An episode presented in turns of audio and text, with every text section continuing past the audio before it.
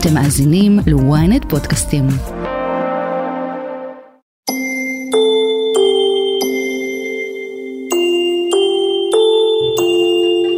שנת הלימודים שוב צפויה להתחיל בסימן חשש, עם השביתה המתוכננת ב-1 בספטמבר. המורים רוצים לשפר משמעותית את תנאי העבודה והשכר, ובעיקר רוצים חופש. החופש לקבל החלטות מקצועיות ושיקול דעת בכיתה. אחד החששות שעולה כל פעם מחדש וגם כיום הוא החשש ממחסור במורים. מחסור במורים ובייחוד מחסור במורים למקצועות מדויקים הוא אחד האתגרים הגדולים העומדים בפני מערכת החינוך ויש לו השפעה גדולה על איכות המורים וההוראה על טיב הלמידה בבתי הספר ועל הישגי התלמידים. אז איך בכלל התחיל המשבר? כיצד הוא הולך להשפיע על עתיד הכלכלה הישראלית ומה הממשלה ומשרד החינוך עושים כדי לפתור את הבעיה. אני יוסי פישר, וזאת הכותרת. יש אנשים שטוענים שהמצב במחסור המורים בישראל הוא לא כזה גדול. מספר התלמידים למורה לא יוצא דופן ואפילו זהה לממוצע ב-OECD. אי אפשר אה, להתווכח עם אה, מנהלת בית ספר שעומדת לפתוח את השנה וחסרים למורים. זה אלי הורוביץ, מנכ"ל קרן טראמפ. ובאמת חסרים אה, לא מעט מורים בהרבה מאוד מקומות בארץ בחלק מהמקצועות. תמונת המצב הגדולה אה, לא ממש ידועה. אה, יש כל כך הרבה אה, מורים ותלמידים וזאת מערכת עצומה מערכת החינוך. אולי זאת המערכת הציבורית הכי גדולה בישראל. 220 אלף מורים עובדים בה. שני מיליון וחצי תלמידים הולכים אליה מדי בוקר, זאת אומרת כל בית שני בישראל מסתייע בשירותי המערכת הציבורית הזאת אה, מדי יום. זאת מערכת מאוד גדולה ופשוט קשה מאוד לדעת את הנתונים, קשה מאוד אה, להיות מסוגלים לשים את האצבע איפה המחסור נמצא. לישראל יש הרבה מורים, 220 אלף, יש 2, 2 מיליון וחצי תלמידים, זה בערך יחס של 1 ל-11, כן, אם מחלקים אחד בשני במתמטיקה של כיתה ג'. ואין לנו כיתות בגודל של 11 תלמידים אז, אז איך, איך המערכת הזאת מתנהלת. מדינות אחרות יש פחות מורים נגיד באונטריו מחוז בקנדה שיש 5,000 בתי ספר גם 2 מיליון וחצי תלמידים יש רק 130 אלף מורים הרבה פחות וגודל הכיתה הוא 20 22 24 ואתה שואל את עצמך איך יכול להיות אז אה, אה, שאלת המחסור היא שאלה של איך מסתכלים על זה. אבל כן ידוע שיש חוסר במקצועות ספציפיים כמו מתמטיקה פיזיקה מדעים. מה שנכון הוא זה שנכון שמורה זה מורה ומורה זה מורה אבל אה, יש תחומי לימוד שבהם אה, התחרות על הכישרונות היא הרבה יותר גדולה. אה, כשמישהו בישראל יודע לעשות 2 אה, ועוד 2 או אפילו יותר מזה, הוא מחפש את מזלו ב start-up nation, בעולמות של מדע וטכנולוגיה, כי ישראל היא מדינה טכנולוגית, אנחנו גאים בזה, יש לנו תעשייה מאוד מוצלחת שמשלמת שכר מאוד גבוה. לשכנע אדם מוכשר מאוד או אישה מאוד מוכשרת לבחור בהוראה כקריירה או כקריירה שנייה, זאת באמת משימה מורכבת ובאמת יש תחרות מאוד גדולה על המקצועות הללו.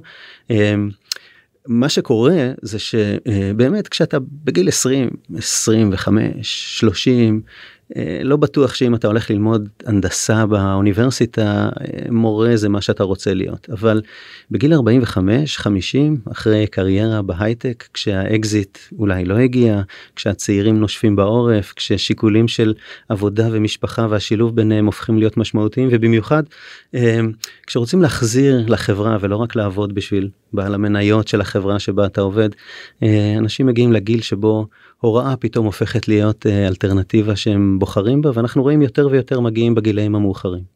אפשר לומר שהממשלה היא סוג של יצרה את בעיית המחסור במורים למקצועות המדויקים, לא? אז זה באמת נכון ככל שיש יותר תלמידים שמעוניינים ללמוד חמש יחידות מתמטיקה ופיזיקה וזה דבר מצוין אז צריך הרבה יותר מורים. באמת כשהתחלנו את הדרך הזאת ביחד עם משרד החינוך ועם האקדמיה וחברות ההייטק והשלטון המקומי ועוד הרבה גורמים אחרים שחברו יחד הבנו שצריך לבנות את הדור הבא של מורי המתמטיקה והמדעים. נוצר מחסור מאוד גדול במיוחד בפריפריה. 60% מבתי הספר התיכוניים שמגישים לבגרות לא הציעו חמש יחידות מתמטיקה ופיזיקה גם אם ילדים היו צריכים. אז בתחילת הדרך אה, הוקם ביחד מה שנקרא תיכון וירטואלי היום זה טריוויאלי אחרי הקורונה אבל אז היה סיפור גדול אה, שילדים אלף ילדים במיוחד מהפריפריה מבתי ספר קטנים אה, הצטרפו ללימודי חמש יחידות מתמטיקה ופיזיקה גם אם לא היה מורה בבית ספר.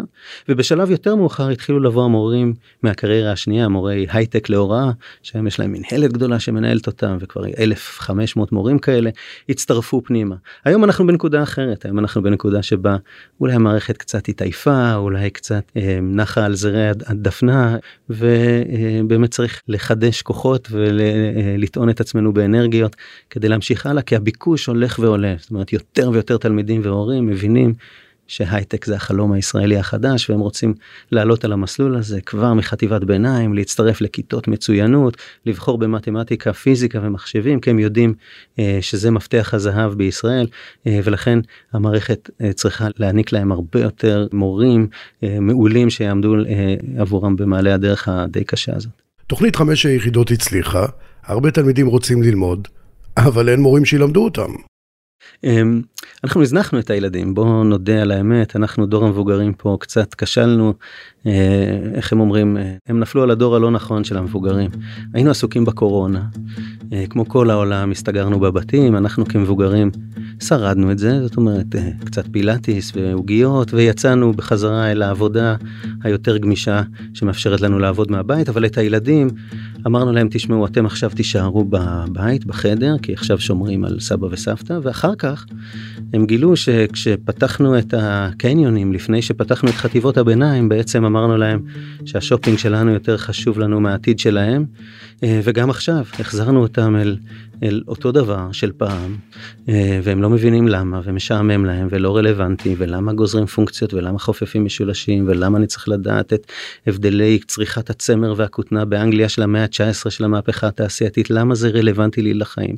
ואנחנו קצת השארנו אותם מאחור הילדים של חטיבת הביניים היום. מה הם יודעים?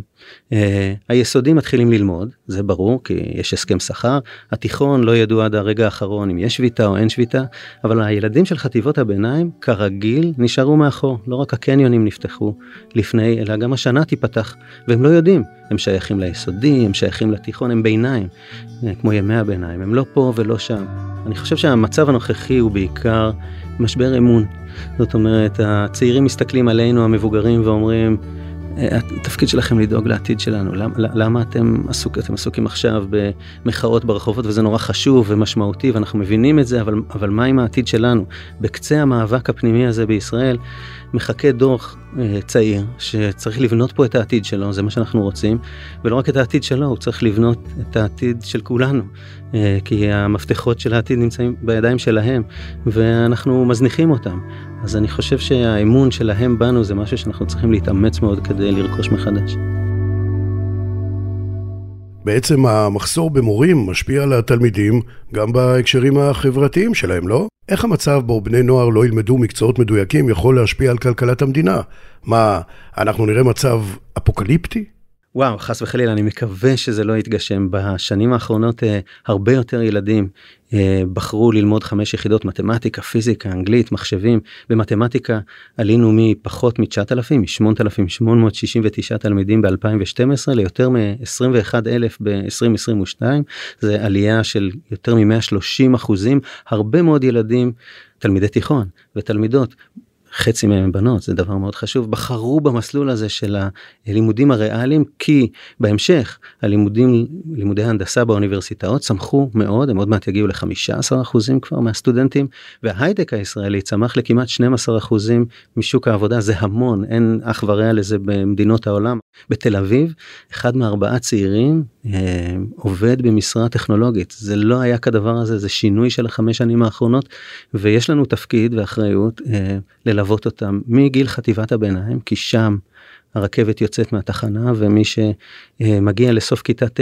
וצריך לבחור מתמטיקה פיזיקה או מחשבים והוא לא למד קודם במהלך חטיבת הביניים לימודים מוגברים בכיתת מצוינות או לא למד בכלל מחשבים או פיזיקה כי אפשר ללמוד אותם רק בכיתות מצוינות, אז פתאום מגלה או מגלה שהם נשארו מאחור.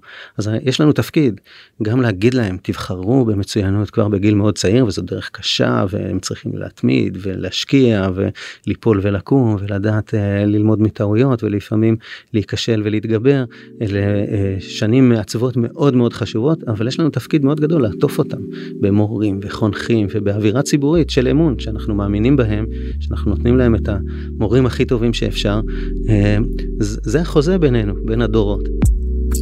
אז המחסור במורים מתבטא בעיקר בתחומי המקצועות המדויקים, ובסופו של דבר, התלמידים הם אלו שנפגעים מהסיטואציה. איך הגענו בכלל למשבר הזה? מה הממשלה ומשרד החינוך עושים כדי להתגבר על המכשולים? ואיך זה עלול להשפיע עלינו בעוד עשור מהיום? הודעה קצרה ומיד ממשיכים עם הכותרת. Ynet פלוס החדש עם הסיפורים הכי מעניינים ומיטב הכותבים. חודש ראשון בחמישה שקלים ותשעים בלבד. למצטרפים חדשים כפוף לתנאי השימוש. שלומי דהן, מנהל אגף חינוך בעיר חדרה, בוא תעשה לנו סדר. למה דווקא בתקופה הזאת חסרים כל כך הרבה אנשי מקצוע בתחום? מערכת החינוך הישראלית נהנתה שנים ארוכות מהעלייה הגדולה מחבר העמים בתחילת שנות האלפיים, שמשם הגיעו הרבה מאוד אנשים שלמדו מדעים ולכן הם לימדו מדעים, מתמטיקה, חלקם אפילו מלמדים אנגלית בבתי הספר. אנחנו נמצאים עכשיו בתהליך טבעי והגיוני, שבו מרביתם יוצאים עכשיו לפנסיה, מגיעים לגיל ופורשים ממערכת החינוך, ובתוך הצנרת של, של הכשרת מורים ו, אה, ושל הבחירה של צעירים בחברה הישראלית במה הם רוצים לעסוק, אה, יש מעט מאוד מורים שיחליפו אותם, אז אנחנו חווים משנה לשנה צמצום במספר המורים. מצד שני, אני הייתי שותף במהלך שמשרד החינוך הוביל יחד עם קרן טראמפ לפני, לפני מספר שנים, של להגדיל את מספר התלמידים שלומדים חמש מתמטיקה ומדעים ברמה הגבוהה, בגלל הצרכים של תעשיית ההייטק הישראלית. וככל שפתחנו יותר קבוצות של תלמידים שלומדים חמש מתמטיקה ופיזיקה וכימיה, נדרשנו ליותר מורים, וכמו שאמרתי, בתהליכי הבחירה המקצועית של אנשים ובהכשרה, בהכשרות באקדמיות ובאוניברסיטה, כמעט ואין אנשים צעירים שאומרים אני רוצה לבוא ללמד בבתי הספר התיכוניים, אז מצד אחד פתחנו יותר ויותר קבוצות ועודדנו ילדים לבחור במקצועות המתמטיקה והמדעים, כדי לייצר בוגרים שיתאימו לתעשיית ההייטק הישראלית, ומצד שני, אחד מורים מזדקנים ועוזבים, ואין צעירים שנכנסים במקומם. תגיד, איך בתי הספר מתמודדים בכלל עם החוסר במורים? אני הבנתי שבתי הספר מעסיקים אנשים ללא תעודת הוראה, וזה לא נראה כמו פתרון כל כך מוצלח. נכון, אנחנו כמה ימים לפני פתיחת שנה, וכל אחד, אני ניהלתי שבע שנים תיכון גדול בחיפה, כל אחד מנהלי בתי הספר, גם בתיכונים וגם ביסודיים, בימים האלה, ממש בימים שלפני פתיחת שנה, צריך לסגור את הפאזל, יש לו כיתות, יש לו תלמידים, והוא צריך לשבץ שם אה, צוות. וכשיש מחסור גדול מאוד במורים מקצועיים במקצועות שדיברנו עליהם עכשיו, אז מאלתרים, אז מוצאים מישהו שאין לו תעודת הוראה אבל בכל זאת יודע משהו במתמטיקה ומדעים, או מוצאים מישהו שיש לו תעודת הוראה במקצוע אחרת ואומרים לו טוב תשב בקיץ תעשה הכנה ותלמד בכל זאת מתמטיקה או תלמד אנגלית או תלמד uh, מדעים, תעשה קורס כזה או אחר וכן הלאה, זה אלתורים לא טובים, הפתרונות האחרים זה פשוט ללמד ילדים בהרכבים מאוד גדולים, 40 ו-50 ו-60 ילדים בקבוצת לימוד כי יש רק מורה אחד שיכול ללמד אותם. והפתרון האחרון, והוא גם פתרון שקיים בבתי הספר, מקטינים את מספר השעות, תלמידים אמורים ללמוד בשביל להצליח בחמש יחידות מתמטיקה איקס שעות, ואומרים להם תלמדו פחות שעות, תלמדו פחות שעתיים, פחות שלוש, פחות ארבע, כי אין לנו מורה שילמד אתכם, וזה, וזה, וזה זורק את זה למקום של תשלימו לבד, או תעבדו בבית, או תיקחו מורים פרטיים, כדי שתצליחו בסופו של דבר לסיים את המשימה הזאת. איך אנחנו נראה את מצב המדינה בעוד עשור מהיום? זה מחזיר אותי לכובע הקודם שלי, למקום שבו כשהייתי איש צעיר ועסקתי בעולם ההייטק, אה, עבדתי בתעשייה וגם לצורך הגדול ש, שנולד בזמנו כש, כשנולד מה שנקרא חמש פי שתיים. התמונת מצב שאנחנו הצלחנו לייצב בשנים האחרונות שכ-14-15% מבוגרי מערכת החינוך הארצית יש להם חמש יחידות מתמטיקה ועוד מקצוע מדעי והם באמת יכולים לספק סוג של עתודה לתעשיית ההייטק. ירידה דרמטית במספרים האלה, המשמעות שלה שפשוט חברות גדולות, גם חברות ישראליות וגם חברות בינלאומיות, יעבירו מכאן את התעשייה למקומות אחרים בעולם, כי בסוף כשאתה לא יכול לקלוט תושבים מקומיים שהם בוגרי המערכת המתמטית והמדעית והלכו ללמוד באוניברסיטת התחומים האלה, אנחנו נמצא בעוד שלוש או ארבע שנים עוד ועוד חברות שאומרות אין פה כוח עבודה מתאים, ויקחו את המפעלים שלהם ואת המחלקות שלהם להודו, למקומות אחרים שבהם יש מערכת חינוך שמייצרת בוגרים שהם מותאמים לעבודה. אני לא כלכלן, אני לא יכול, בטח לא יכול לחזות מה ההשלכות הכלכליות של זה, אבל ברור שאם חברות גדולות כמו אינטל ומייקרוסופט ואפל יעבירו מכאן את יחידות הפיתוח שלהם למדינות אחרות בעולם, תהיה לזה השלכה כלכלית עצומה על היכולת שלנו להתקיים פה, כי אין לנו משאבי טבע אחרים פרט לתעשיית ההייטק המפוארת שלנו. מה אתה עושה ברמה הלוקאלית כדי לפתור את המצב העכשווי? אין לי שליטה על, על הסכמי השכר של מורים, אני לא יכול להעלות שכר למורה בתוך מערכת החינוך העירונית. אני מקווה שהמשא ומתן שמתנהל כרגע יצלח ושמשרד האוצר, משרד החינוך וארגון המורים יגיעו להסכמות ויהיה שכר ראוי יותר למורים. אבל מה שעשינו ברמה הלוקאלית שלנו זה בדיוק הסיפור האישי שלי, כלומר אמרתי, הסתכלתי למה אני באתי לעסוק בחינוך וחיפשתי בזמנו משמעות ושייכות ועבודה עם אנשים. ואת זה אנחנו מנסים למכור, אנחנו פתחנו תוכנית הסבת אקדמאים עירונית, אנחנו פונים לתושבי חדרה, מנגנים על, על הלוקל פטריוטיות של העיר, של הצורך של העיר במורים, פונים לאנשים שהם אקדמאים, שיש להם אה, השכלה בתחום הזה, ואומרים להם בואו תעשו הסבת אקדמאים, תעשו תעודת הוראה, אנחנו נממן את הלימודים וגם נדאג לכם לעבודה בתוך מערכת החינוך העירונית. אה, זה לא פרופיל של סטודנטים צעירים ש... שסיימו את לימודי המדעים ועכשיו הולכים ופונים לתעשייה, דווקא אנשים שכבר עבדו בעולם התעשייה כמוני כמה שנים, ובא להם לעשות שינוי ויש להם רצון לחפש משמעות ושייכות ואיזושהי עבודה עם סיפוק, והצלחנו בשנתיים האחרונות לגייס אה, עשרות אה, מוסתבים כאלה, את חלקם הגדול אנחנו משפצים בהוראה כבר תוך כדי הלימודים עצמם, תוך כדי התהליך והעבודה עצמה שהם מתנסים בה עם חלק מהדרישות של לקבל את תעודת ההוראה, וצמצמנו בצורה מאוד מאוד גדולה את הפער. בחזרה אליך, אלי הורוביץ, מנכ"ל קרן טראמפ. תגיד, הממשלה ומשרד החינוך עושים משהו בשביל המצב? כן, אה, הממשלה הנוכחית אה, קיבלה החלטה ליישם את דוח הוועדה שהמליצה איך להגדיל את ההייטק הישראלי ויש בתוך הפרק חינוך מאוד מאוד משמעותי אה, בהשקעה מאוד גדולה של 750 מיליון שקל על פני חמש שנים. פותחים כיתות מצוינות במיוחד בפריפריה בחטיבות הביניים. מקימים אמת עתודה מדעית טכנולוגית כיתות מצוינות וירטואליות בפריפריה כדי לענות על המחסור במורים. יש מאמץ מאוד גדול של הממשלה כדי לנסות בכל זאת לעשות כאן למרות כל הבלגן מסביב וחוסר האמון ו, וזה לא פשוט בכלל בסיטואציה הנוכחית להתקדם בחינוך בנושאים הללו אבל יש ניסיון אמיתי ואני מקווה מאוד שהוא אה, אה, יצליח ושישמרו עליו אה, מכל משמר. ועד כאן הכותרת להפעם. תודה לאלי הורוביץ, מנכ"ל קרן טראמפ, ולשלומי דהן. אתם מוזמנים לעקוב אחרינו בוויינט גם באתר וגם באפליקציה, גם בנייד וגם ברכב, גם בספוטיפיי וגם באפל. אנחנו מחכים גם לתגובה וגם לדירוג שלכם. בינתיים, אולי יעניין אתכם פרק על מה קרה לקיצור החופש הגדול. איתי בצוות הכותרת, שרון קידון, טל זרביב וקובי נחשוני, תחקיר, הפקה ועריכה, גיא סלם ועדן דוידוב, טכנאי הסאונד הוא בן פישר, אני יוסי פישר, וזאת הייתה הכותרת.